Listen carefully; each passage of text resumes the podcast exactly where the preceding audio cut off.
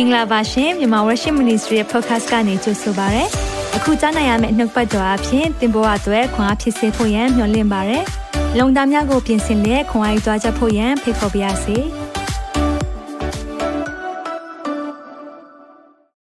ချာရမီတာဆုမြအားလုံးရှလုံလို့နှုတ်ဆက်ပါရယ်ဒီနေ့မှာအရောက်ချင်းစီတိုင်းကိုကြိုဆိုပါရယ်အသက်ရှင်တဲ့ဖျိုင်းနှုတ်ပတ်တော်ကိုဒီနေ့ဝင်ငါခွင့်ရလို့ဖျားရဲ့နာမကိုချီးမွမ်းပါရယ်ကျွန်မနာမည်ကတော့ Mercy ဖြစ်တယ်ကျွန်မတို့တွေဒီတစ်လောမှာ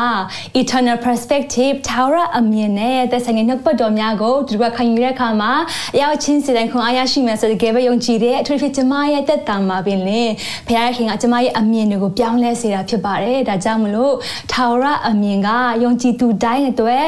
မယုံကြည်သူများအတွက်လည်းတကယ်ကိုအရေးကြီးတဲ့အရာဖြစ်တယ်ဒါကြောင့်မလို့ဘုရားရှင်နာမကိုချီးမွမ်းပါရယ် Zoom မှာ Facebook မှာ YouTube မှာရှိတဲ့နေရာတီးတီးကနေဘုရားကိုချစ်တဲ့နှလုံးသားနဲ့ပေါ်ဝင်ကြသူအားလုံးကိုအထူးပဲကျေးဇူးတင်တယ်ဘုရားရှိခိုးကြီးပေးပါစေအာမင်ကျမတို့နှုတ်ပတ်တော်ခဏလောက်စကကြရအောင်အသက်ရှင်နေမှုတော့ဖဒီနေ့တော့ကိုရောကိုကျေးဇူးတင်တယ်ကိုရောပြင်ဆင်ပေးနေ့ရက်မှာမိသားစုများအားလုံးကိုရောရဲ့နှုတ်ပတ်တော်အသက်ရှင်နေကိုရောနှုတ်ပတ်တော်နဲ့ခံယူဖွင့်တော့ရောက်ရှိနေကြပြီဖြစ်ပါတယ်တန်ရှင်တော်နှဖျားကိုရောကိုကြိုဆိုပါတယ်ကိုရောကိုနေရာပေးပါတယ်ထာဝရအမြင်ကိုတာ၍နားလည်ပါမိကြောင်းတန်ရှင်တော်နှဖျားနှလုံးသားတည်တည်ကိုစကားပြောပါခွန်အားပေးတော်မူပါဒီနေ့မှာအသက်တာများပြောင်းလဲပြီးတော့မှကိုရောနီးသူကိုရောကဲတို့အသက်ရှင်ဖို့အကြောင်းဖြစ်စေတော်မူပါသက်တာများကိုစကတဲ့အခါမှာကတင်ပိုင်ရှင်သခင်ယေရှုနာမကိုမြှုပ်ပွေးဆုတောင်းကြပါ၏အာမင်အာမင်အာမင်ဟုတ်ပြီကျမတို့ ထာဝရအမြင်နဲ့ပတ်သက်ပြီးတော့မှ series number 1ကျမတို့ episode 1မှာဆိုတော့ကျမတို့ eternity ဆိုတဲ့အရာကိုကျမတို့အနေနဲ့ဒီလိုကလေ့လာခဲ့ကြတယ်အရန်လက်ခွန်အားရရှိတာဖြစ်တယ်ဒါကြောင့်မလို့ဒီနေ့ကျမတို့နှုတ်ပတ်တော်မှာခံယူခင်မှာပေါ့နော်ကျမတို့နှုတ်ပတ်တော်ကိုဒီလိုကဝင်ခံကြရအောင် amen ဟေရှာယအနာဂတိကျမ်းခန်းကြီး40အခန်းငယ်10မှာရှင်နှုတ်ပတ်တော်ကျမတို့ဝင်ခံကြရအောင်ဒီနေ့တော့မြစ်ပင်သည်ညှိုးနွမ်းသွေးချောက်တတ်၏အပွင့်လဲကျွေတတ်၏ထာဝရဘုရားနှုတ်ကပတ်တရားမူကားကာလစဉ်အမြဲတည်၏နောက်တစ်ခေါက်လောက်ကျွန်တော်တို့ပြန်ဆိုကြရအောင်အာမင်တင်းနှစ်တော့မြက်ပင်သည်ညှိုးနွမ်းသွေးချောက်တတ်၏အပွင့်လဲကျွေတတ်၏ထာဝရဘုရား၏နှုတ်ကပတ်တရားမူကားကာလစေအမြဲတည်၏အာမင်ဒီနေ့ထာဝရကာလတောင်တည်မြဲတဲ့ဘုရား၏နှုတ်ပတ်တော်ကိုကျွန်တော်တို့ခံယူခွင့်ရတာတကယ်ကိုကောင်းကြီးမြင်လာခံစားရတော့မိသားစုများဖြစ်ပါတယ်ဒါကြောင့်ဘုရား၏နာမကိုချီးမွမ်းပါတယ်ကျွန်တော်တို့ eternal အကြောင်းပြောတဲ့အခါမှာ eternity ဆိုတဲ့အရာကိုဆရာကရှင်းပြတဲ့အခါမှာကျွန်မတကယ်ပဲခွန်အားရရှိတယ်ကျွန်တော်တို့ဒီ tower ဆိုတဲ့အရာကိုလေကျွန်တော်တို့ရဲ့အတွေးခေါ်နဲ့လုံးဝနားလည်ရခက်တယ်နားလည်းမလည်နိုင်ဘူးဒါပေမဲ့ eternity ကိုဘာနဲ့နားလည်လို့ရလဲဆိုတော့နှလုံးသားနဲ့နားလည်လို့ရတယ်ဆိုတဲ့အကိုကျွန်တော်တို့ episode 1မှာဆရာအဖြစ်ခေါ်ယူခဲ့ကြတယ် episode 2မှာဆိုတော့တည်မြဲတဲ့အောင်မြင်ခြင်းဆိုတာကဘာလဲထာဝရကာလတောင်တဲရောက်မဲ့ကျွန်တော်တို့ရဲ့အောင်မြင်ခြင်းကဘာကြောင့်မလို့အရေးကြီးတာလဲဆိုတဲ့အကိုဆရာအဖြစ်ကျွန်တော်ခွန်အားယူခဲ့ကြတယ် episode 3မှာတော့ခရစ်တော်ရဲ့တရားပလင်တော်ကြောင့်ကိုဆရာမ Esther ရွှေရာဖြင့်ခွန်အားယူခဲ့ကြတယ်။အရောက်ချင်းစီတိုင်းတကယ်ပဲခွန်အားရရှိခဲ့ကြတယ်။ episode 4မှာတော့ therapy ငါးမျိုးအကြောင်းကိုကျွန်တော်တို့ခွန်အားယူခဲ့ကြတယ်။ကျွန်တော်တို့ယုံကြည်သူများကျွန်တော်တို့ရဲ့အသက်ရှင်တဲ့အရာကဒီနေ့ထာဝရကာလတောင်သွားမှာဖြစ်တယ်။ဒါကြောင့်မလို့ဖခင်ပြင်ဆင်ပေးထားတဲ့အဆုလက်ယရနာတွေကိုကျွန်တော်တို့ရရှိဖို့ဖြစ်ပါတယ်။အာမင်။ episode 5မှာတော့ကျွန်တော်တို့ထာဝရထာဝရအမြင်ရဲ့တောချက်ကဒီနေ့နေ့ကျမတို့ဝိညာဉ်မျက်စိနဲ့မြင်တတ်ဖို့အရေးကြီးတယ်ဆိုရကိုကျမတို့ဆရာဒေါမနစ်ကဖြင့်ခေါ်ယူခဲ့ကြတယ်အားလုံးပဲကောင်းကြီးခံစားရတယ်ဒီနေ့မှာတော့ကျမတို့ထာဝရအမြင်ရဲ့နောက်ဆုံးအပိုင်းကျမတို့ဒီနေ့တွားကြရအောင်မိသားစုအလုံးဖိတ်ခေါ်ခြင်းနဲ့ဒါကြောင့်ဒီနေ့မောရှေကဒီနေ့ဝင်ခံသွားတဲ့အတိုင်းပဲကျမတို့လည်းတူတူကဝင်ခံကြရနောက်တစ်ခါလာဒီနှုတ်ပတ်တော်လေးဝင်ခံကြရအောင်60ခုမြောက်သောဆာလာပိုင်ငယ်စနစ်မှာကျွန်တော်တို့ဒီပညာတရားကိုနှလုံးသွင်းမိမိအကြောင်းကိုယ်နဲ့ရဲ့ကာလကိုရေတွက်နိုင်စေခြင်းဟာတွင်တင်တော်မူပါတဲ့အရန်ကိုအရေးကြီးပါတယ်ကျွန်တော်တို့နေ့စဉ်နဲ့အသက်ရှင်တဲ့အခါမှာကျွန်တော်တို့နေ့ရက်ကာလောက်တွင်တင်ဖို့ရန်အတွက်ဘုရားကိုဒီနေ့ဆုတောင်းဖို့အရေးကြီးတယ်ဒီဟာကိုနှလုံးသွင်းဖို့အရေးကြီးတယ်အာမင်ဟုတ်ပြီဒီနေ့မှာတော့ကျွန်တော်တို့ထာဝရအမြင်ပိုင်း6သခင်ယေရှုကိုစိတ်စိတ်ကြည်ပါအာမင်ဝန်ခံကြရအောင်သခင်ယေရှုကိုစိတ်စိတ်ကြည်ပါဒီနေ့ဒီဟာကိုမိသားစုများအားလုံးနဲ့ဒီကွာခွန်ယူဖို့ရန်အတွက်ဖိတ်ခေါ်ချင်ပါတယ် ဟုတ်ပြီကျမထာဝရအမြင်နဲ့ပတ်သက်ပြီးတော့မှကျမစဉ်းစားတဲ့အခါမှာပေါ့နော်ကျမကိုယ်တိုင်ရဲ့အသက်တာကြုံရတဲ့အရာကိုလည်းကျမပြန်လည်ပြီးမှဝေမျှပေးခြင်းတယ်ကျမဒီ Australia နိုင်ငံ Melbourne မှာရောက်တဲ့အခါမှာ မကြောက်ကျမအနေနဲ့ကားမောင်းလိုင်စင်ဖြေဖို့ဖြစ်လာတယ်ကားမောင်းတင်ဖို့ဖြစ်လာတယ်ဘာကြောင့်လဲဆိုတော့ခမဒီနိုင်ငံမှာကကားမရှိရင်အဆင်မပြေဘူးပေါ့နော်သွားရတာအဆင်မပြေဘူးအရန်လည်းဝေးတဲ့ခါမှာကားမောင်းတင်ဖို့ဖြစ်လာတယ်အဲ့အချိန်မှာကျမကားမောင်းဖို့ကျမ appointment ယူတယ်ဆရာနဲ့ကျမစကားပြောတယ်အဲ့မှာဆရာကရောက်လာတယ်အဲ့မှာကျမလည်းကားမောင်းဖို့ဆိုတော့ကြောက်တယ်ပေါ့နော် အဲ့ဒီအချိန်မှာဆရာကျွန်မရှင်းပြပေးတယ်မကြောက်နဲ့သူ့ရဲ့ခြေထောက်အောက်မှာလည်း break တွေရှိတယ်ပေါ့နော်ဆိုတော့ခါမှာကားမောင်းတဲ့ခါမှာတခုခုဖြစ်ခဲ့ရင်တောင်မှဆရာကနေမဘေးကနေ control လုပ်ပေးမယ်ဆိုမှကျွန်မပြောတဲ့ခါမှာဟုတ်ပြီဆိုမှကျွန်တော်တို့မောင်းကြတယ်ဆိုတဲ့ခါမှာကျွန်တော်တို့ရက်ကွက်ကနေတခုပြီးခုတို့ကျွန်တော်တို့သွားတဲ့ခါမှာရက်ကွက်တွေဆိုတော့ကျွန်တော်တို့လမ်းလဲရှင်းတယ်ကားလဲရှင်းတဲ့ခါမှာအရင်အဆင်ပြေတယ် အဲ့လိုတင်ရင်တင်ရင်နဲ့ရက်ကွက်ပြီးတစ်ခုပြီးတစ်ခုကျမတို့ပတ်တဲ့ခါမှာနောက်ဆုံးကျမတို့ထွက်တဲ့နေရာ highway ဘက်ကိုရောက်လာတဲ့ခါမှာကျမအရန်ကြောက်လာတာပေါ့နော်ဟာ highway မှာကားတွေကအရန်များတဲ့ခါမှာအရန်ကိုစိုးရင်သွားတာဟာတဲ့နဲ့ဆရာမစိုးရင်နဲ့စစ်မောင်းပါလို့ပြောတဲ့ခါမှာကျမလည်းတင်နေတဲ့လူဆိုတော့မောင်းတယ် အဲ့ချိန်မှာကျမဘေးနားမှာကားတွေကတစ်ခုပြီးတစ်ခုလာတယ်ပေါ့နော် truck ကားလာလိုက် van ကားလာလိုက် bus ကားလာလိုက်ကုန်တင်ကားလာလိုက်နဲ့ကျမအရန်ကြောက်လာပေါ့နော်ကိုလိုက်နဲ့ကိုသွားရတော့ဟုတ်ပဲမဲ့ကျမအနေနဲ့ကိုဒီကားကြီးတွေကကိုဖက်ကိုများချော်လာမလားဆိုဖြင့်ကျမစိုးရင်တာခါမှာကားမောင်းမောင်းနဲ့အဲ့ဒီကားတွေကိုကျမအနေနဲ့ကြီးနေနေမှာကျမလက်တွေကနည်းလွဲလာတာပေါ့နော်ဆိုတော့ခါမှာအဲ့နဲ့ဆရာကျမလက်ကိုချက်ချင်းကင်လိုက်မှာကားစတေမွန်ကိုကင်မှာဘာလို့လို့သွားတာလဲတဲ့ဒီတခြားလိုင်းကိုကြော်တော့မယ်ပေါ့နော်ဒီတခြားလိုင်းကိုကြော်ရင်မှာကားရဲ့တိုက်မိတော့မယ်ဖြည်းဖြည်းမောင်းပါကိုသွားရမယ့်လမ်းကိုကိုချိပြီးသွားပါလို့ကျမကိုပြောတဲ့ခါမှာကျမအရန်ပဲတင်ရင်မိသွားတာဖြစ်တယ်အဲ့နဲ့ကျမလည်းတင်ပြီးတဲ့ခါမှာကာမောင်းဖြေဖို့ဖြစ်သွားတယ် အဲ့ဒါနဲ့ကာမောင်းဖြေဖို့ကျမလည်း booking လုပ်တယ်ဖြစ်ချင်တော့ကျမ booking လုပ်တဲ့နေရာကတကယ်ပဲကားတွေရဲရှုပ်တဲ့နေရာမှာကျမ booking လုပ်တဲ့နေရာဖြစ်သွားတယ်အဲ့ချာတော့အဲ့နေ့ကျမကာမောင်းဖြေမဲ့ချိန်မှာကျမလည်းရမ်းဆူတောင်းသွားတယ်ကိုရောမဆပါဘောနော်အဲ့ချိန်မှာကျမရဲ့ဆက်ဆေးတဲ့ဆရာကဘေးနားမှာထိုင်ပေးတယ်ကျမလည်းကာမောင်းတယ် အဲ့အချိန်မှာအဲ့နေရာကလည်း peak time ဆိုတော့ခါမှာဟိုခေါမလဲရှုပ်တယ်ပေါ့နော်ကားတွေလည်းအရင်များတယ် truck ကားတွေလည်းအရင်များတဲ့ခါမှာကျမလည်းဆရာတင်ပေးတဲ့အရာကိုပြန်တတိယပြီးတော့မှဟုတ်ပြီကိုကတော့ကောင်းမတဲ့ခါမှာဟိုဘက်ဒီဘက်တော့ကြည့်ရပြီမဲ့ခဏပဲကြည့်တယ်ပေါ့နော်ပြီးတဲ့ခါမှာကိုရဲ့သွားမဲ့လမ်းကိုပဲတက်တက်ပဲမောင်းနေဘေးနားမှာကားတော့အကြီးကျုပ်ဝုံဝုံဝုံနဲ့ဖြစ်သွားမယ်ကျမတက်တက်ပဲမောင်းပြီးမှပေါ့နော်အဲ့ဒါကျမဒီအိတ်ဆောင်ပွဲကိုကျမတခါပဲဖြေတယ်တခါလည်းအောင်သွားတယ်ဖခင်ကြီးကျေးဇူးတော်ချီးမွမ်းမိတယ်ပေါ့နော်အဲ့ခါမှာကျမအရင်ပဲဒီဟာကိုထာဝရအမြင်ကိုကျမအနေနဲ့ဆင်ခြင်တဲ့ခါမှာပေါ့နော်ကျမတို့ရဲ့အမြင်ကဘယ်လောက်ထိအရေးကြီးလဲဆိုတဲ့ခါကိုအရင်ပဲခံစားရတာဖြစ်တယ်ကျမတို့အမြင်ရှိတဲ့နေရာတိုင်းကျမတို့သွားတာဖြစ်တယ်ကျမတို့အမြင်တိုင်းကျမတို့ဆုံးဖြတ်ချက်ချလေးရှိတယ်ကျမတို့အမြင်ပေါ်မှာကျမတို့ကလူတွေကိုဝေဖန်တဲ့အချိန်ရှိတယ်ကျမတို့အမြင်တိုင်းပဲကျမတို့လှုပ်ချင်တဲ့အရာကိုဆုံးဖြတ်ချက်ချရအရာမြောက်များစွာရှိတဲ့အရာကိုအသက်တပံပြင်လဲကျမရဲ့အထဲမှာခံစားရတာဖြစ်တယ်ဆိုတဲ့အခါမှာကျမတို့အမြင်ကအရေးကြီးတယ်အထူးသဖြင့်ကျမတို့မျက်မှန်တက်တဲ့သူတွေဆိုရင်တော့ပိုတတိထားမိမှာဖြစ်တယ်နော်ကျမတို့ဒီမျက်မှန်တက်ရင်တော့အရန်ရှင်းတဲ့အမြင်တွေကဒါပေမဲ့မျက်မှန်ကိုထွက်လိုက်တဲ့ခါမှာလုံးဝမရှင်းတော့ကျမတနေ့ကျတော့ဆရာဘေးနားမှာကျမဆရာကောင်းမှကျမဘေးနားမှာထိုင်နေတယ် ညအချိန်ဖြစ်တဲ့ခါမှာကျမဆရာကိုပြောလိုက်တယ်ဆရာလို့ဒီမျက်မှန်ကိုချက်လိုက်မယ်ဆိုရင်ဘာဖြစ်မလဲလို့မြင်လိုက်တယ်အဲ့ဒါဆရာလေးချက်ကြည့်လေโอเคလို့ကျမလည်းဒီမျက်မှန်တက်နေတဲ့ခါမှာချက်လိုက်ခါမှာလမ်းကိုကြည့်လိုက်တဲ့ခါမှာလေဒီ traffic light တို့ဒီမီးပွိုင်းတို့အားလုံးကလည်းမီးကြီးတဲ့အကြီးကြီးဖြစ်ပြီးမှတခုနှစ်ခုထက်နေတာပေါ့နော်ရှုပ်ရှက်ခတ်နေတာဒါပေမဲ့ကျမမျက်မှန်ကိုပြန်တက်လိုက်တဲ့ခါကျတော့လေဟာ तू မီးလုံးတွေကသူ့နေရာ तू အစင်တင်ရှိနေတာကိုကျမတွေးလိုက်တဲ့ခါမှာဝေါလို့မျက်စိရှင်းလင်းဖို့အရင်ရေးကြီးပါလားဆိုတော့ကျမတကယ်ခံစားရဖြစ်တယ် ဒါခါမှာဒီနေ့ကျမတို့ထာဝရအမြင်ရှင်းလင်းဖို့ရန်အတွက်ကျမတို့သခင်ယေရှုကိုစိတ်စိတ်ကြည့်ဖို့အရေးကြီးတာဖြစ်တယ်အာမင် comment ထဲမှာရေးပါအောင်ထာဝရအမြင်ကိုမြင်နိုင်ဖို့ရန်အတွက်သခင်ယေရှုကိုစိတ်စိတ်ကြည့်ဖို့အရေးကြီးတယ်အာမင်အဲကြောင့်မလို့နှုတ်ပတ်တော်မှာလည်းကျမတို့ကိုဗာပြောထားလဲဆိုတဲ့အခါမှာ မဿဲခရင်ကျန်ခကြီး6ငယ်20မှာဆိုရင်မျက်စိကကိုဤစီမီဖြစ်တယ်တဲ့ကျမတို့လူတယောက်နဲ့စကားပြောတဲ့အခါမှာဒီတယောက်ကကိုနဲ့စကားပြောတာစိတ်ဝင်စားသလားစိတ်ဝင်မစားဘူးလားအရန်သိတာတယ်သူ့မျက်စိကိုကြည့်ချင်အဖြစ်သူ့နှလုံးသားရဲ့ဒီပြောတဲ့အရာသူ့နှလုံးသားရဲ့စဉ်းစားတဲ့အရာကိုကျမတို့ခံမှန်းလို့ရတယ်အဲကြောင့်မလို့ကျမတို့အမြင်ကရေးကြည့်တယ်မျက်စိကြည့်လင်းရင်တကိုယ်လုံးလင်းလိုက်မယ်တဲ့မျက်စိမေးရှင်ရင်တကိုယ်လုံးမိုက်လိုက်မယ်ဆိုမှနှုတ်ပတ်တော်ကလည်းပြောထားဖြစ်တယ်ဒါကြောင့်ယုံကြည်သူများဒီနေ့ကျမတို့ရဲ့အမြင်အရန်ကိုအရေးကြီးတာဖြစ်ပါတယ်အာမင်ဒါကြောင့်ဒီနေ့အမြင်နဲ့ပတ်သက်ပြီးတော့မှ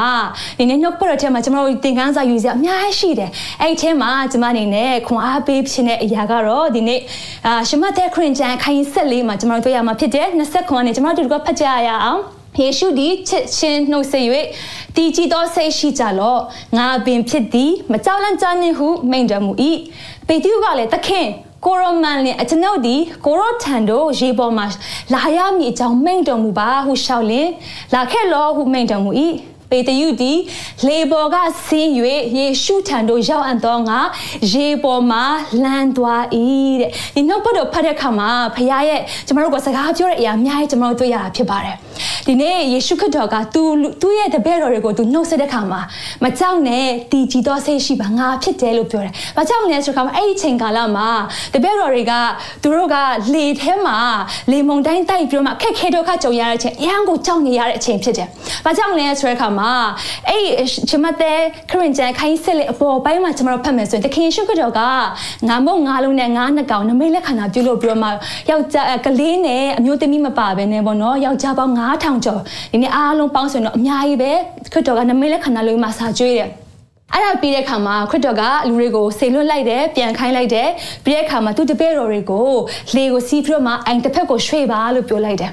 အဲ့ချိန်မှာသူကိုရိုင်းကတော့စိတ်ငြိမ်ရတည်းရမှနေမှာဆူတောင်းတယ်ဆိုမှနှုတ်ပတ်တော်ကကျမတို့ကိုပြောပြထားတယ်အဲ့ချိန်မှာညလေရောက်လာတဲ့ခါမှာလေမုန်တိုင်းတွေတိုက်လာတယ်လေတပည့်တော်တွေကအရန်ကြောက်လန့်တဲ့ချိန်မှာသခင်ယေရှုကရေပေါ်မှာရှောက်သွားတဲ့ဟာကိုသူတို့အဝေးကနေတွေ့တဲ့ခါအရန်ကြောက်သွားဖြစ်တယ်ဒီနေ့မိတ်ဆွေတွေကိုလည်းခွန်အားပေးချင်တာကကျမတို့ဘေးပတ်ဝန်းကျင်မှာကြောက်လန့်စရာတွေစိုးရိမ်စရာရှိနေတဲ့အချိန်မှာသခင်ကရေပေါ်မှာရှောက်လန့်တာဖြစ်ကြအာမင်တနည်းအားဖြင့်ဘာလို့ဆိုလိုတာလဲဆိုတဲ့ခါမှာကျမတို့အခက်ခဲကြုံတဲ့ခါမှာကျမတို့ရဲ့ line ထဲမှာခိုးကိုရမှဖြစ်နေတဲ့အချိန်မှာသခင်တို့ကတော့ is say လေးပဲဖြစ်တယ်သခင်ကရေပေါ်မှာ is say လေးကိုရှောက်သွားနေတာဖြစ်တယ်အဲကြောင့်ဒီနေ့သခင်ကိုအော်ဟစ်ဖို့ရည်ကြီးတာဖြစ်တယ်အဲ့ချိန်မှာဒီဘက်တွေကအရန်ကြောက်တဲ့ခါမှာဟာတရေလားဒီမှာစိုးရိမ်နေချိန်မှာသခင်ကတို့ကိုဘာပြောလဲဆိုတော့မကြောက်နဲ့ငါပင်ဖြစ်တယ်ဒီကြည်တော်စိတ်ရှိပါလို့သခင်ကချက်ချင်းပဲတို့ကိုနှစ်သိမ့်တဲ့စကားကိုပြောတဲ့ဖခင်ဖြစ်ပါတယ်အာမင်အဲကြောင့်မိတ်ဆွေဒီနေ့မှာတင်ပလို့ရင်ဆိုင်ရလဲကျမတို့မသိဘူးဒါပေမဲ့တည့်ရဲ့ဒီဒုက္ခပင်လဲ line ထဲမှာပင်လင်းသခင်ကတင်းနဲ့သူရှောက်သွားတဲ့ဖခင်ဖြစ်ပါတယ်အာမင်ဒီဘလို့ချိန်တွေပဲကြုံတွေ့ရပါစေတင်းထာဝရအမြင်တွေမမြင်နိုင်တော့တဲ့ချိန်တွေအထီတောင်တွေဖြစ်ကောင်းဖြစ်နေပင်မဲ့ဒီချိန်မှာလည်းဖခင်က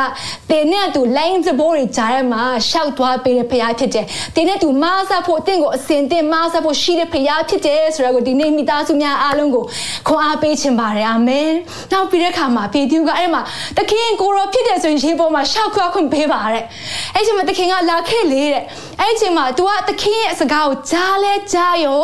तू ခြေလန်းကစလန်းတဲ့ခါမှာရေပေါ်မှာ तू လမ်းလျှောက်ရခွင့်ရတာဖြစ်တယ်ဒါကြောင့်ဒီနေ့ကျမတို့မိသားစုတွေဖခင်အတန်ကိုကြားသဖို့အရေးကြီးတယ်ဖခင်အတန်ကိုကြားတဲ့အခါမှာလှုပ်ဆောင်တဲ့အခါမှာနမိတ်လက္ခဏာတွေထူးဆန်းတဲ့အရာတွေတဘာဝလွန်တဲ့အရာတွေဖြစ်ပျက်တဲ့အရာကိုကျမတို့မြင်တွေ့ရမှာဖြစ်ပါတယ် အာမင်အဲ့ချိန်မှာပေတျုကအရန်အံ့ဩသွားတာတပည့်တွေထဲမှာ तू ကပထမဆုံးချိန်ရေပေါ်မှာလမ်းချရတဲ့သူလေအဲ့မှာ तू အရန်ပဲဂုံယူဝင်သွားတဲ့အချိန်ဖြစ်ကောင်းဖြစ်မှာပေါ့နော်ဟာတခင်ကရေပေါ်မှာလမ်းလျှောက်လို့ तू လည်းလမ်းလျှောက်နိုင်တယ်ဆိုတဲ့အရာတွေ तू ခံစားတဲ့ချိန်မှာဘာဖြစ်သွားလဲဆိုတဲ့ခါမှာအဲ့လိုမျိုး तू အရန်ပဲပျော်နေတဲ့ချိန်မှာပဲအငယ်30မှာလေပြင်းဒီကိုမြင်လင်းတဲ့ ရေးပါအောင် comment ထဲမှာလေပြင်းတွေကိုမြင်လင်ကြောက်လန့်၍နစ်မွန်လူတွေရှိတော့တဲ့အဲ့မှာ तू ကအရင်ပဲရေပေါ်မှာရှောက်ပြီးမှပြောနေတဲ့ချိန်မှာမဖြစ်ဘူးတဲ့အရာတွေ तू မြင်တွေ့တဲ့ချိန်မှာတခင်ကို तू ချီးမဲ့စား तू တွေဘေးပတ်ဝန်းကျင်ကိုကြည့်လိုက်တဲ့ချိန်မှာလေပြင်းတာကို तू မြင်တယ်တဲ့အဲ့ဒီချိန်မှာ तू ကကြောက်ပြီးတော့မှကြောက်တဲ့ချိန်မှာနစ်ဖို့ကအစင်တင်ဖြစ်သွားတာ အဲ့မှာသခင်ကိုသူအော်ဟစ်လိုက်တယ်ခင်မတော်မူပါသခင်တဲ့အဲ့ချိန်မှာငယ်37မှာယေရှုဒီလက်တော်ကိုချက်ချင်းဆန့်၍တဲ့အာမင်လက်တော်ကိုချက်ချင်းဆန့်၍ဒီနေ့မိတ်ဆွေများကျမတို့ရဲ့ထာဝရအမြင်ကြောင့်ကျမတို့တင်တဲ့အခါမှာအရင်အရေးကြီးတဲ့အရာဖြစ်ပါတယ်။ခါကျလို့ရှင်ကျမတို့ကထာဝရအမြင်နဲ့မမြင်နိုင်ပဲအသက်ရှင်တဲ့ချိန်မြောက်များစွာရှိတယ်။အဲ့ဒီချိန်မှာပင်လင်းသခင်ကကျမတို့တွေဟိုယုံကြည်ခြင်းအားနည်းတဲ့အချိန်မှာပင်လင်းကျမတို့လက်ကိုချက်ချင်းဆန့်ပြီးမှကယ်တင်ဖို့အစဉ်သင့်ရှိတဲ့ဖခင်ဖြစ်တယ်ဆိုတော့ဒီနေ့မိသားမိသားစုများအလုံးခွန်အားပေးချင်ပါတယ်။အာမင်။ဖခင်ကကျမတို့ကိုချစ်တဲ့ဖခင်ဖြစ်ပါတယ်။သူစကားနားထောင်ပြီးလှမ်းတဲ့ခါမှာနမိတ်လက္ခဏာရှိပေမဲ့သူစကားနားမထောင်သူမကြည့်တဲ့ချိန်လေးစကစကန်အတွင်းမှာပဲနင်းမြုပ်လူမသက်ဖြစ်တဲ့ချိန်မှာပင်လင်တခင်ကိုတင်အော်ဟက်တဲ့ခါမှာတခင်ကတင့်ကိုကယ်မဖို့အတွက်သူ့လက်ကိုချက်ချင်းဆန့်ပေးတဲ့ဖခင်ဖြစ်ပါတယ်အဲလောက်ကောင်းမြတ်တဲ့ဖခင်ကျွန်တော်တို့ကိုးကွယ်ခွင့်ရတာဖြစ်တယ်မိတ်ဆွေအာမင်အဲ့ချိန်မှာတခင်ကသူ့ကို ကယ်တင်လိုက်တာဖြစ်ပါတယ်ဒီနေ့ပေတရုရဲ့တတာဖြင့်ကျွန်မမျိုးများစွာခွန်အားရရှိတာဖြစ်ပါတယ်ဒါကြောင့်ဒီနေ့မှာမိသားစုများအားလုံးအချက်၃ချက်နဲ့ခွန်အားပေးခြင်းနဲ့ကျွန်တော်တို့ထာဝရအမြင်သခင်ယေရှုကိုဆေးဆေးကြည့်ဖို့ရန်အတွက်ဘာတွေကအရေးကြီးလဲဆိုတာကိုဒီနေ့ခွန်အားပေးခြင်းနဲ့ဒါကြောင့် note စိမှတ်ထားမယ်ဆိုရင်ကျွန်မနံပါတ်1ခွန်အားပေးခြင်းတာကတော့ don't look at yourself ကိုကိုကိုမကြည့်ပါနဲ့လို့ခွန်အားပေးခြင်းတယ် don't look at yourself ကျမတို့ကလူဖြစ်တဲ့အခါမှာ ကျမတို့မျက်စိကကိုယ်မှာရှိတဲ့ခါမှာကိုကအပြင်ကိုမဲမြင်တယ်လေနော်မှန်ကြည့်မှပဲကိုကကိုမြင်လို့ရတာဒါပေမဲ့ကျမတို့ကမြင်တဲ့ခါမှာမျက်စိဖွင့်လိုက်တာနဲ့တခြားသောအရာတွေကိုမြင်တယ်သူများကိုမြင်တဲ့ခါမှာကျမတို့ကကိုယ့်ဟာကိုမြင်လေးမရှိဘူးဒါမဲ့ဒီနေ့မှာမိသားစုအလုံးခွန်အားပေးချင်တာကိုယ့်ဟာကိုလည်းမကြည့်ပါနဲ့လို့အာမင်။ဘာကြောင့်လဲဆိုတဲ့အခါမှာလူနှမျိုးနဲ့စားရှိတတ်တယ်အသက်တာမှာ နံပါတ်1ကကိုယ့်ဟာကိုယ်ကြည့်ပြီးတော့မှအရန်ပဲအိုးငါတော်လိုက်တာငါတက်လာတာငါလုံနိုင်လိုက်တာစသဖြင့်ပေါ့နော်ကိုယ်စိတ်ထဲမှာမွာကြွားပြီးတော့မှမာနချောင်တော့တဲ့ချိန်မြောက်များစွာရှိတတ်တယ်အဲ့ဒီချိန်မှာဆိုလို့ရှိရင်ကိုကြဆင်ဖို့ရင်တော့အရန်ကိုမြန်တဲ့ချိန်ဖြစ်တယ်လွယ်ကူတာဖြစ်တယ်နံပါတ်2ကပါလဲဆိုတဲ့ခါမှာကိုယ့်ဟာကိုယ်အားငယ်တာတိတ်ငယ်တာအာငါတို့ဘာမှမတတ်နိုင်ပါဘူးငါတို့မျိုးရိုးကဘာမှမဟုတ်ပါဘူးငါတို့ပညာမတတ်ဘူးစိုက်ပြန်အားငယ်တဲ့စိတ်တွေနဲ့ကျမတို့ရှိတတ်တယ်ကျမတို့ဒီနေ့မှာကိုယ့်ဟာကိုယ်မကြည့်ဖို့အတွက်အရေးကြီးတာဖြစ်တယ်။ဖျားခိုင်းတဲ့အရာလုပ်ဖို့အတွက်ကျမတို့ထာဝရကာလထဲမှာထာဝရအမြင်တိုင်းတက်ရှင်ဖို့ရန်အတွက်အရန်အရေးကြီးတယ်ကကိုယ့်ဟာကိုယ်မကြည့်ဖို့အရေးကြီးတယ်။ဒါဆိုဘယ်လိုကြည့်ရမလဲ။သခင်မြင်တကယ်တော့ကျမတို့မြင်တတ်ဖို့အရေးကြီးတာဖြစ်ပါတယ်။ဒီနေ့နှုတ်ပတ်တော်မှာဆိုလို့ရှင်လေပေတရုရဲ့လက်သားကနေကျမခွန်အားပေးခြင်းတယ်။ဟေရှာနဂတိကျမ်း64မှာဗာပြောလဲဆိုတဲ့အခါမှာအချင်းနှုတ်တို့ရှိသမျှဒီစင်ကြယ်ခြင်းမရှိပါတဲ့။ကျမတို့ကိုယ့်ဟာကိုယ်မကြည့်ဖို့အရေးကြီးတယ်။ကိုယ့်ဟာကိုယ်ကြည့်တဲ့အခါမှာကျမတို့ emotion ကအမြဲပဲ fluctuate ဖြစ်တယ်နော်။ကျမတို့ဒီနေ့မနေ့မှဆိုရင်ကျမတို့တခုခုလှုပ်ချင်နေဆိုရင်စိတ်ပြောင်းသွားတဲ့ချိန်မြောက်များစွာရှိတတ်တယ်။ဒါအချိန်မှာကျမတို့ကိုယ့်ဟာကိုယ်ယုံလို့မရဘူး။ဒါကြောင့်နှုတ်ပတ်တော်ဘာပြောလဲဆိုတဲ့အခါမှာကျမတို့ရှိသမျှကအစင်ကြယ်ခြင်းမရှိဘူးတဲ့ပြည့်ဝသမျှသောကိုယ်သူကောင်းမှုတို့သည်ညစ်သောအဝတ်နှင့်တူကြပါ၏အကျွန်ုပ်တို့ရှိသမျှသည်တိတ်ရွတ်ကဲတို့ညှိုးနွမ်းလက်ရှိ၍ကိုပြစ်တို့သည်လေကဲတို့အကျွန်ုပ်တို့ကိုတိုက်သွားပါပြီဆိုမှဟေရှာကမှတ်တမ်းတင်ထားတာဖြစ်ပါတယ်ဒါကြောင့်မလို့ဒီနေ့ပေတရုတက်တာမှာလဲ သူကတခင်နဲ့တွေ့တဲ့ခါမှာတခင်ကသူ့ကိုပြောလိုက်တယ်ငါများပါတဲ့သူတို့တ냐လို့ငါများတယ်မတွေ့တဲ့ခါမှာနောက်ဆုံးတခင်ကပြောထပ်များပါအောင်လို့ပြောတဲ့ခါမှာတခင်စကားနားထောင်ပြီးသူလုပ်တဲ့ခါမှာငါတို့ရအများကြီးတူရရှိတယ်အဲ့အချိန်မှာသူကနေမှသူကသူ့ရဲ့အားနည်းတဲ့အရာတွေတိမ်ငယ်တဲ့အရာသူမြင်လာတဲ့ခါမှာသူကဘာပြောလဲဆိုခါအငယ်ရှင်းမှာတခင်အကျွန်ုပ်ဒီအပြစ်များသောသူဖြစ်ပါ၏အကျွန်ုပ်စီမှာကြွသွားတော်မူပါဆိုမှတခင်ကိုသူပြောလိုက်တယ်။ ခါကျလို့ရှိရင်ကျွန်တော်တို့တာမှာကိုယ့်ဟာကိုကြည့်ပြီးတော့မှလေတခင်ရဲ့မြတ်တာနဲ့မထိုက်တန်ဘူးလို့ခံစားရခြင်းမြောက်များစွာရှိတယ်။အဲ့ဒီအချိန်မှာကျွန်တော်တို့တခင်ကကိုယ့်ကိုမြင်တကယ်တော့မြင်တတ်ဖို့ရန်အတွက်အရန်ကိုရေးကြည့်တာဖြစ်တယ်။ကိုယ့်ရဲ့ကိုယ့်ရဲ့အခြေအနေကိုယ့်ရဲ့ဒီမပြည့်စုံတဲ့အရာကိုပဲကြည့်ပြီးအဲ့ထဲမှာပဲနစ်မွန်းဖို့တခင်အလိုတော်မရှိဘူး။ကျွန်တော်တို့ကိုယ်အပြစ်များတဲ့အရာကိုသိပေမဲ့ဒီချိန်ထဲမှာတခင်ကကျွန်တော်တို့ကိုဘလောက်ထိချစ်တယ်လဲတခင်ရဲ့ကယ်တင်တဲ့အရာကိုကျွန်တော်တို့နားလည်ဖို့ရန်အတွက်အရန်ကိုရေးကြည့်တာဖြစ်တယ်။အဲ့ဒီအချိန်မှာပေတရုကအဲ့လိုပြောတဲ့အခါမှာ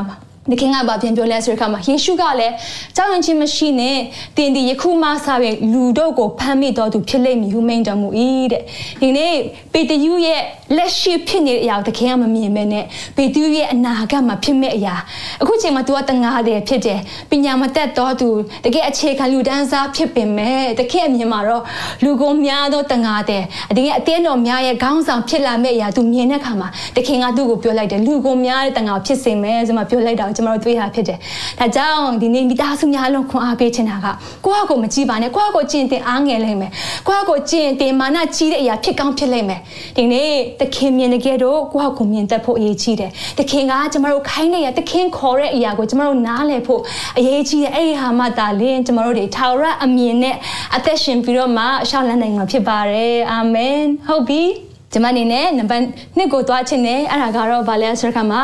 don't look at others တခြားသောသူများကိုမကြည့်ပါနဲ့လို့ခွန်အားပေးချင်တယ်ဒီနေ့တတော်များများကတခြားသောသူတွေကိုကျမတို့ကြည်တတ်ကြတယ်ကျမတို့မြင်တတ်တယ်အတင်းတော်တော်များမှာဆိုလို့ရှိရင်ပေါ့နော်ကျမတို့ကြားတဲ့ခါမှာဆရာသမားတွေကိုကြီးတဲ့ခါမှာသူတို့တွေကစိတ်သက်ကြလာတယ်။ဆရာဆရာတွေရဲ့မပြည့်စုံတာသူတို့မြင်တဲ့ခါမှာစိတ်သက်ကြပြီးတော့မှဖះကိုကြောခိုင်းသူမြောက်များဆိုတော့ကျမတို့ကြားဘူးတယ်မြင်လဲမြင်ဘူးတယ်။ ဒီနေ့ကျမတို့လူသားတွေကမပြည့်စုံသောသူများဖြစ်တယ်ကျမတို့နမူနာယူဖို့ကသူတို့လည်းမဟုတ်ပါဘူးအာမင်ဒီနေ့ဒီပုံလေးကိုပြချင်တယ်သူကတော့မဟတ်နာဂန်ဒီပေါ့နော်ဂန်ဒီဆိုမှကျမတို့သိကြတယ်ဆိုတော့ဂန်ဒီကသူပြောလိုက်တဲ့ဒီခုတ်လေးကျမတို့တွေ့ရတယ် I like your cries တဲ့တင်းရဲ့ခရစ်တော်ကို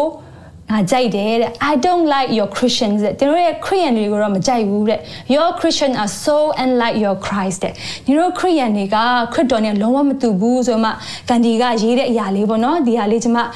share ပေးခြင်းတယ်။ဘာကြောင့်လို့ရေးတဲ့အခါမှာဘာကြောင့်သူအဲ့လိုရေးလဲဆိုတော့ဂန္ဒီကသူကအိန္ဒိယနိုင်ငံသားဖြစ်တယ်သူကဒီအိန္ဒိယနိုင်ငံမှာ English ရဲ့ဒီဒါနယ်ချဲမှုကိုစန့်ကျင်တဲ့ခေါင်းဆောင်တယောက်လည်းဖြစ်တယ် သူကခရစ်တော်ကျမ်းကိုသူကြားလာတဲ့အခါမှာသူစိတ်ဝင်စားလာတယ်။အဲ့ဒါနဲ့ခရစ်တော်ရဲ့ခရစ်ဝင်ကျမ်းတွေကိုသူဖတ်တဲ့အခါမှာသူအရင်စိတ်ဝင်စားပြီးတော့မှတနေ့ကြောက်တော့တဲ့သူကဘုရားကျောင်းတောက်ဖို့ဆုံးဖြတ်လိုက်တယ်။အဲ့မှာသူဘုရားကျောင်းသွားတဲ့အခါမှာတခါဝမှာပဲသူ့ကိုအာရှာတွေကဗာပြောလဲဆိုတဲ့အခါမှာဘုရားကျောင်းဝင်ခွင့်မပေးဘူးတဲ့။ဘာကြောင့်ဝင်ခွင့်မပေးလဲဆိုတဲ့အခါမှာသူတို့အဲ့ဒီဘုရားကျောင်းက လူဖြူတွေတွေ့ဟုတ်တယ်နံပါတ်2ကတော့အိန္ဒိယနိုင်ငံမှာဆိုရင် high profile တွေပေါ့နော်တကယ်အရာရှိတွေပဲတက်လို့ရတဲ့နေရာဖြစ်တဲ့အခါမှာသူ့ကိုဝင်ခွင့်မပေးဘူးတဲ့အဲ့ဒါနဲ့သူအရန်ပဲစိတ်ပြစ်သွားပြီးတော့မှဒီဖျားเจ้าနေသူချုပ်ခွာသွားတယ်တဲ့နောက်ပိုင်းမှာသူကရေးလာတဲ့အခါမှာ ခရိယန်တူမဖြစ်ချင်တော့ဘာကြောင့်လဲဆိုတော့ခရိယန်တွေကြောင့်မလို့လို့ရေးတဲ့အရာလေးကျွန်မပြန်ဆင်ချင်မိတဲ့ခါမှာပေါ့နော်ကျွန်တော်တို့တာမှာအရန်တတိထားဖို့ကဒါခါကျတော့ရှင်ကျွန်တော်တို့ကတခြားသောလူတွေကိုမြင်ပြီးတော့မှဟိုသူတို့ရဲ့ဖြစ်တဲ့အရာကိုကျွန်တော်တို့မြင်ပြီးမှစိတ်သက်ကြတဲ့အရာကြီးမြောက်များစွာရှိတယ်ဒီနေ့နှုတ်ပတ်တော်ကဘာပြောလဲဆိုတဲ့အခါမှာ ယောမဩရာဆိုခန်းကြီးတော့အခန်းငယ်30မှာကျမ်းစာလာဒီကဖြောင့်မတ်တော်သူမရှိတရားမြတ်မရှိတဲ့ဒါကကျွန်တော်တို့ဝမ်းမြောက်စရာဖြစ်တယ်နော်ကျွန်တော်တို့တရားမှဘုရားရှိခိုးဖြောင့်မတ်တော်သူများမဟုတ်ဘူးတဲ့ကျမ်းစာကပြောတယ်23မှာဆိုရင်အဘဲကြောင့်နေဟုကလူပေါင်းတို့ဒီဒူးစဲကိုပြု၍ဘုရားသခင်ရှေ့တော်၌အသေးပြက်ကြပြီခွန်မမှာရေးပါအောင်လူပေါင်းတို့ကဖျားရှိမှအသေးပြက်ကြပြီကျမတို့အားလုံးကဖျားရှိမှအသေးပြက်တော်သူများဖြစ်ကြဘယ်သူမှကမပြေဆုံးပါဘူး အဲကြောင့်မလို့ကျမတို့ရဲ့တာမှာထာဝရအမြင်နဲ့တွားဖို့ရန်အတွက်တခြားသောသူများလည်းကျမတို့ကြည့်လို့မရဘူးတခြားသောသူများကျမတို့ကြီးတဲ့အခါမှာကျမတို့ရဲ့စိတ်ထဲမှာ comparison ဆိုတဲ့စိတ်တွေဝင်လာတတ်တယ်။ဒီနေ့ဖရားထားတဲ့အကြံစီတိုင်းမဟုတ်ဘဲနဲ့ဖရားထားတဲ့အကြံစီတွေလွဲဖို့ရန်အတွက်ကျမတို့ကိုတွန်းပွေးတဲ့အရာမြောက်များစွာရှိတတ်တယ်။ ကျမခုနကားမောင်းတကယ်တော့ဗောနော်ကျမကို line နဲ့ကိုသွားတဲ့အခါမှာအဆင်ပြေပေမဲ့ဒီနေ့မှာကိုဘေးနားမှာဖြစ်သွားတဲ့အရာတွေကိုကျမတို့မြင်တဲ့အခါမှာကျမတို့ရဲ့အမြင်တွေကမှားပြီးတော့မှကို line တွေလွဲပြီးတော့မှဖရားအချန်စင်းနဲ့လွဲတဲ့အရာမြောက်များစွာရှိတတ်တယ်ဒါကြောင့်မိသားစုအားလုံးခွန်အားပေးချင်တာကနံပါတ်1 don't look at yourself ကိုယ့်ရဲ့အားနဲ့ချစ်တွေကိုယ့်ရဲ့အားသာချစ်တွေကိုပဲကြည့်ပြီးမှအဲ့ဒီပုံမှာအသက်ရှင်ဖို့မဟုတ်ဘူးအာမင်သခင်ကကိုယ်မြင်တကယ်တော့အသက်ရှင်ဖို့အရေးကြီးတယ်နံပါတ်2က don't look at others တခြားသူတွေများမကြည့်ပါနဲ့ဂန်ဒီကတခြားသောသူတွေကိုကြီးတဲ့အခါမှာတခင်နဲ့တွေ့ဖို့ဝေးသွားတာဖြစ်ပါတယ်ဒီနေ့နံပါတ်3မိသားစုတွေအားလုံးခွန်အားပေးခြင်းနဲ့ဟုတ်ပြီဆာလန်ဆာလန်146မှာလည်းဗာပြောလဲဆိုတဲ့အခါမှာမင်းများမှစား၍မကယ်တင်နိုင်သောလူသားကိုမကိုးစားကြနဲ့တဲ့နှုတ်ပတ်တော်ကျမတို့ကိုအတိအကျပြောထားရနော်ပြီးတဲ့အခါမှာသူဒီအသက်ထွက်၍မြေတို့ပြန်သွားတတ်၏ထိုနေ့ချင်းနဲ့သူ၏အကြံစီတို့ဒီပျက်စီးကြ၏တဲ့ဝေါကျမတို့ ခါကြလို့ရှိရင်ခက်ခဲကြုံတဲ့အခါမှာလူကိုအားကိုးတတ်တယ်ဒါပေမဲ့နှုတ်ပတ်တော်က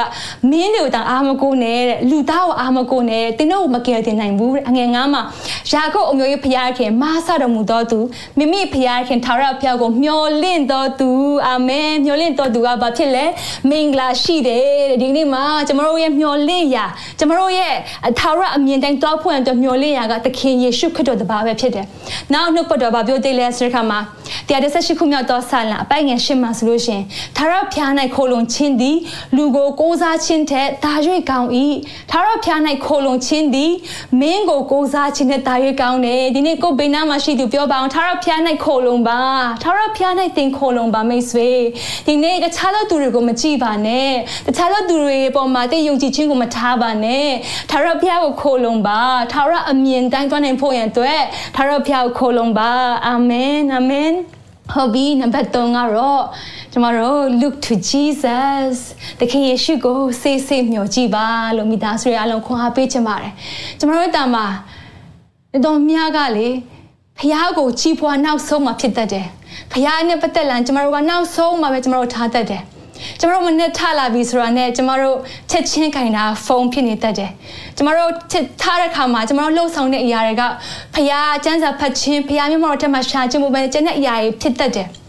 ဒါပေမဲ့ဒီနေ့မှာသခင်ကိုဆေးဆေးညှို့ကြည့်ကြရအောင်အာမင်ဒီနေ့နှုတ်ပတ်တော်ဘာပြောလဲဆိုတဲ့အခါမှာ ဟေပြအော်ရာစအခန်းကြီးစနစ်အခန်းငယ်တက်မှာဆိုရင်ထို့ကြောင့်ဤများလောက်များစွာသောတက်တေပေါင်းတို့သည်ငါတို့ကိုဝန်းရံလက်ရှိကြသည်ဖြစ်၍တဲ့ဒီဟာကိုကျွန်မဖတ်တဲ့အခါမှာအယံခွန်အားရတယ်အကြောင်းလဲဆိုတော့များစွာသောတက်တေပေါင်းဘာကိုပြောတာလဲဆိုတဲ့အခါမှာဟေပြအော်ရာစအခန်းကြီးစတစ်ကအကြောင်းအရာကိုဒီအခန်းအခန်းကြီးစနစ်မှာလည်းပြောထားဖြစ်ပါတယ်ဒီနေ့ယုံကြည်ခြင်းဖခင်တွေယုံကြည်ခြင်းမိခင်တွေရဲ့အသက်တာအသက်ရှင်တဲ့အရာတွေကတဲ့သူတို့ရဲ့တက်တေတွေကကျွန်မတို့ကိုဝန်းရံထားတယ်သူတို့ရဲ့ဘလို့တက်တေတွေလဲသူသူတို့ရဲ့ဖခင်ကိုယုံကြည်တဲ့အရာတွေသူတို့ရဲ့ဘဝမှာခက်ခဲပေမဲ့ဖခင်ကိုဒါစိတ်စိတ်မျှော်ကြည့်ပြီးအသက်တာလိုက်လျှောက်တဲ့သက်တာတွေကတဲ့ကျမတို့အတွက်တက်သေးဖြစ်နေတယ်တဲ့အာမင်ဒါကြောင့်ဤများလောက်များစွာသောတက်သေးပေါင်းတွေကတဲ့ငါတို့ကိုဝန်းရင်လက်ရှိတွေဖြစ်၍ငါတို့ဒီခတ်သိမ်းသောဝန်တို့ကို၎င်းနောက်ဆက်သောဒူးစိတ်ကို၎င်းပယ်ရှား၍ငါတို့မျက်မှောက်၌ထားသောပန်းတုံးတိုင်တို့ရောက်ခြင်းက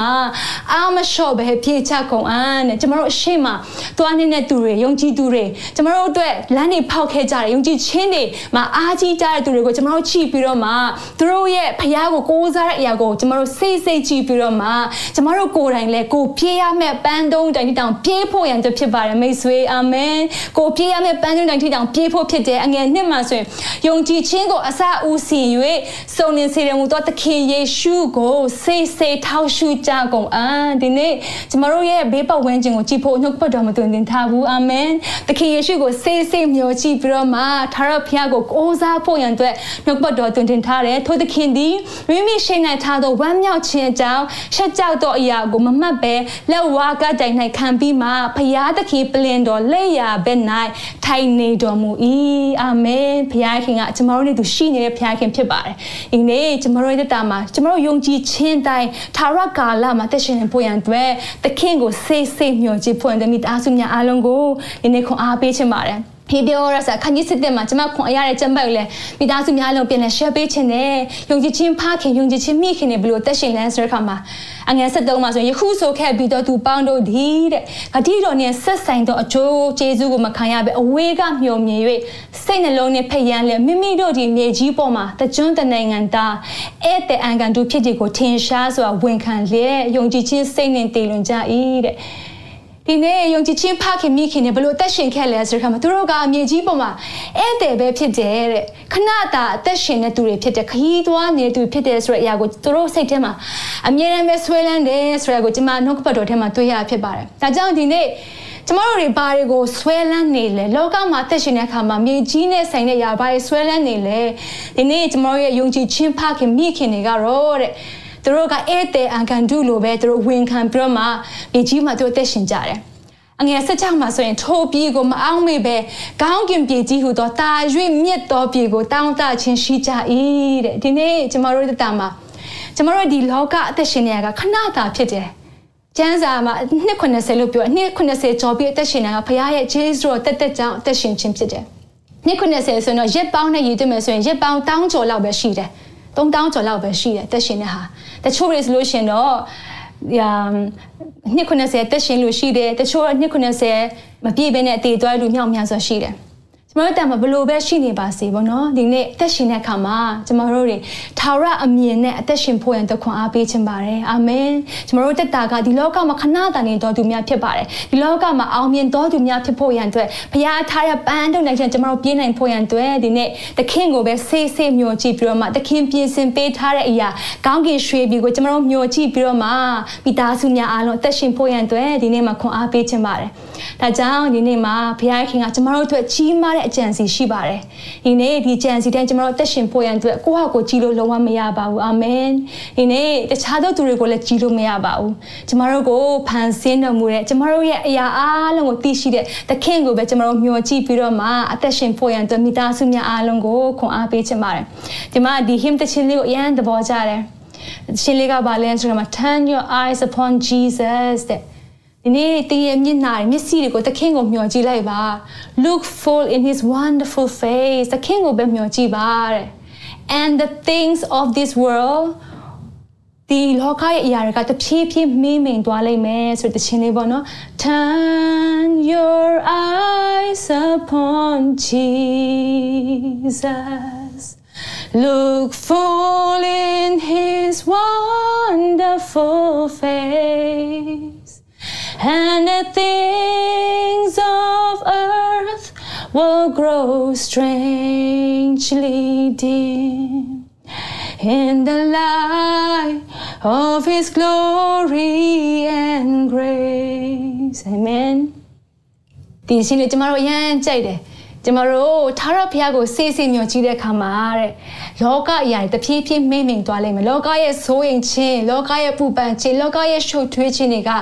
ကျမတို့ကိုဒီနေ့မှာတဖြည်းဖြည်းမိမ့်မိန်မှာဘုရားရဲ့အလင်းတော်ဘုရားရဲ့ဘုန်းတော်ဘုရားရဲ့ချစ်ချင်းမြတ်တာကကျမတို့မှာတာရေးထွန်းတောက်လာမယ်ဆိုတဲ့အရာဖြစ်ပါတယ်ဒီနေ့ကျမတို့လောကမှာသက်ရှင်ရမလွယ်ပါဘူးမိသားစုတွေတစ်ခုတစ်ခုကျမတို့ကြုံရတဲ့အရာတွေနိုင်ငံရေးရရောကျမတို့လူမှုရေးရရောဝိညာဉ်ရေးရရောဘက်ဘက်မှာကျမတို့တိုက်ခိုက်ခြင်းတွေ ထုံးတဲ့ခြင်းတွေအများကြီးရှိပါတယ်ဒါပေမဲ့ဒီနေ့မှာကျမတို့ရဲ့တက်တာမှာယုံကြည်ခြင်းတိုင်းသွားနိုင်ဖို့ရန်အတွက်အာမင်ထာဝရအမြင်တိုင်းကျွန်တော်တို့သက်ရှင်ဖို့ရန်အတွက်သခင်ယေရှုဖခင်ကိုပဲကျွန်တော်တို့စိတ်စိတ်မျိုးကြည်ကြရအောင်အာမင်ဘာကြောင့်လဲသခင်ကတာလင်းဒီနေ့ကျွန်တော်ကိုကယ်တင်နိုင်တဲ့ဖခင်ဖြစ်တယ်ကျွန်တော်တို့ဒီနေ့မှာကျွန်တော်တို့ရဲ့အားကိုးနေတဲ့အရာတွေဘယ်သူတွေဖြစ်နေလဲကျမတို့ရဲ့ခိုလုံတဲ့အရာကျမတို့အလောက်ကင်တွေဖြစ်နေလားကျမတို့ရဲ့ငွေကြေးဖြစ်နေလားကျမတို့ရဲ့သက်ဆွမ်းနိုင်တဲ့အရာတွေဖြစ်နေလား ဒီနေ့မှာတော့သခင်ကိုပဲကျွန်တော်တို့မျှော်ကြည့်ကြရအောင်အာမင်သခင်ကသာလင်ကျွန်တော်တို့ရဲ့ဘဝတစ်ခုလုံးကိုမဆပေးနိုင်တဲ့ဖခင်ဖြစ်တယ် အဲကြောင့်မလို့လေဖိလိပ္ပိဩရာစာခန်းကြီးတော်ခန်းငယ်ဆက်လေးမှာဆိုရင်ယေရှုခရစ်အားဖြင့်ဘုရားသခင်ဒီအထက်ရမခေါ်တော်မူခြင်းနဲ့ဆိုင်သောဆုကိုရခြင်းကပန်းတုံးတိုင်တုံးကလိုက်ပြေ၏အာမင်ဒီနေ့တမန်တော်ရှင်ပေါလုကတော့သခင်ဘုရားရဲ့ခေါ်တဲ့အရာသခင်ဘုရားရဲ့ခေါ်ခြင်းနဲ့ဆိုင်တဲ့ဆုကိုရဖွင့်တဲ့ကျွန်တော်တို့ပြေးမယ်တဲ့သူပြေးတယ်တဲ့ဒီနေ့တင်နေကျွန်တော်လည်းပြေးကြရအောင်အာမင်ကိုယ့်ရဲ့ line နဲ့ကိုပြေးကြရအောင်ဒီများ line ကို ကြည့်ပြီးမှပြေးမယ်ဆိုတော့ကျမတို့တွေလမ်းမှားသွားတတ်တယ်ကျမတို့ထိခိုက်မိတတ်တယ်ဒါပေမဲ့ကိုယ်လမ်းကိုကိုပြေးချရအောင်အာမင်ဒါကြောင့်ဘယ်လိုပြေးနိုင်မလဲဆိုတဲ့အခါမှာသခင်ပါမှသာကျမတို့ဒီကျမတို့ရဲ့ပန်းတော့တိုင်ကိုကျမတို့ပြေးနိုင်မှာဖြစ်တယ်ဟေးရှင်ယောဟန်ခရစ်ကျမ်းခန်းကြီး15မှာဆိုရင်တော့ကျမရန်ခွန်ရနှုတ်ပတ်တော်လည်းဖြစ်တယ်ကျမ highlight လုပ်ထားရရပဲကျမဖတ်ပေးမယ်သင်တို့ဒီငါနိုင်မတည်လင်အတီးမတီးနိုင်ကြတဲ့ အာမင်ဖခင်ကကျွန်တော်တို့ဒီလောကမှာထားတဲ့အကြံစီယူရချက်တိုင်းကျွန်တော်တို့တွားနိုင်ဖို့အတွက်သခင်နဲ့ကျွန်တော်တို့အမြဲတမ်းဆက်သွယ်ဖို့သခင်နဲ့တည်နေဖို့အရေးကြီးတာဖြစ်တယ်။နောက်တစ်ခု highlight လုပ်ထားရကငါနှင့်ကွာလင်တင်းတို့ဒီအဘယ်အမှုကိုမြတ်မတတ်နိုင်ကြတဲ့။ကျွန်တော်ဒီလောကမှာတက်ရှင်တဲ့အခါမှာသခင်မပါလို့မဖြစ်ဘူး။ဖခင်မပါလို့မဖြစ်ဘူး။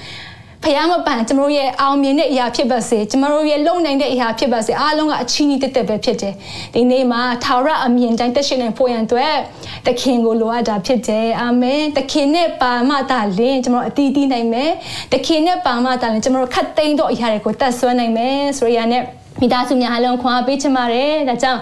ဒီနေ့မှာ ကျမတို့အသက်တာတွေကိုပြန်လည်ဆန်းစစ်ကြရအောင်ကျမတို့ထာဝရအမြင်လို့ပြောတဲ့အခါမှာကြီးမားစမ်းကြတဲ့အရာဖြစ်ပါတယ်ကျမတို့လောကမှာသက်ရှင်တဲ့အခါမှာကျမတို့ရဲ့အမြင်ကလောက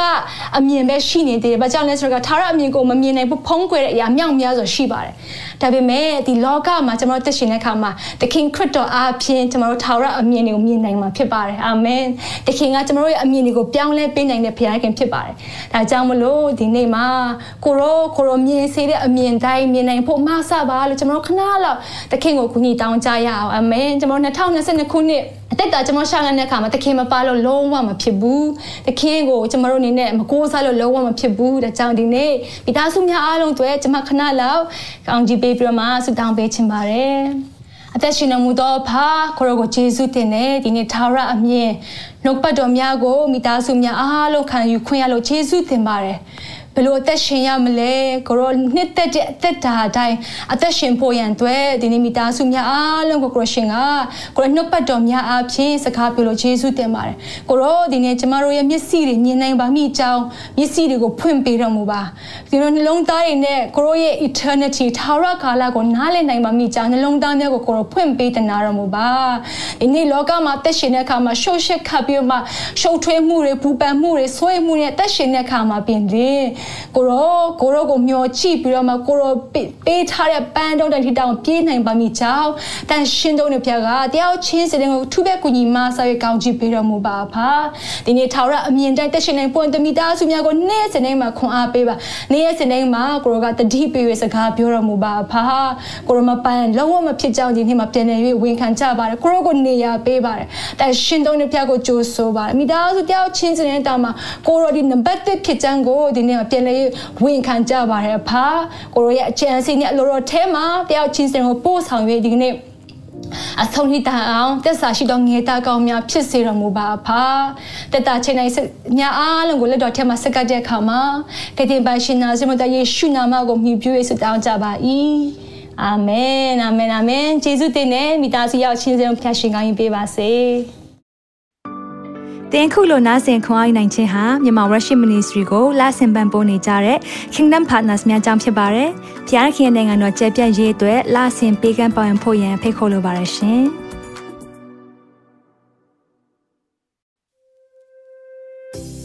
။အခုကြားနာခဲ့ရတဲ့နှုတ်ပတ်တော်အဖြစ်ခွန်အားရရှိမယ်လို့ယုံကြည်မျှော်လင့်ပါတယ်။ခွန်အားရဆိုလို့ရှိရင်ဒီတစ်ပတ်နဲ့ပြန်လည်ဝင်မြပေးဖို့ရန်တောင်းဆိုပါရစေ။ မြန်မာ Worship Ministry ရဲ့ website myanmarworship.com ကိုလည်းလာရောက်လေ့လာဖို့ရန်အတွက်ဖိတ်ခေါ်ချင်ပါတယ်။တချိန်ထဲမှာမြန်မာ Worship Ministry ရဲ့ social media platform များဖြစ်တဲ့မြန်မာ Worship YouTube Channel, မြန်မာ Worship Facebook Page နဲ့မြန်မာ Worship Instagram များကိုလည်းလာရောက်လေ့လာဖို့ရန်အတွက်ဖိတ်ခေါ်ချင်ပါတယ်။နောက်တစ်ချိန်မှာပြန်လည်ဆုံတွေ့ကြပါစို့။ဖျားရှင်ကောင်းကြီးပေးပါစေ။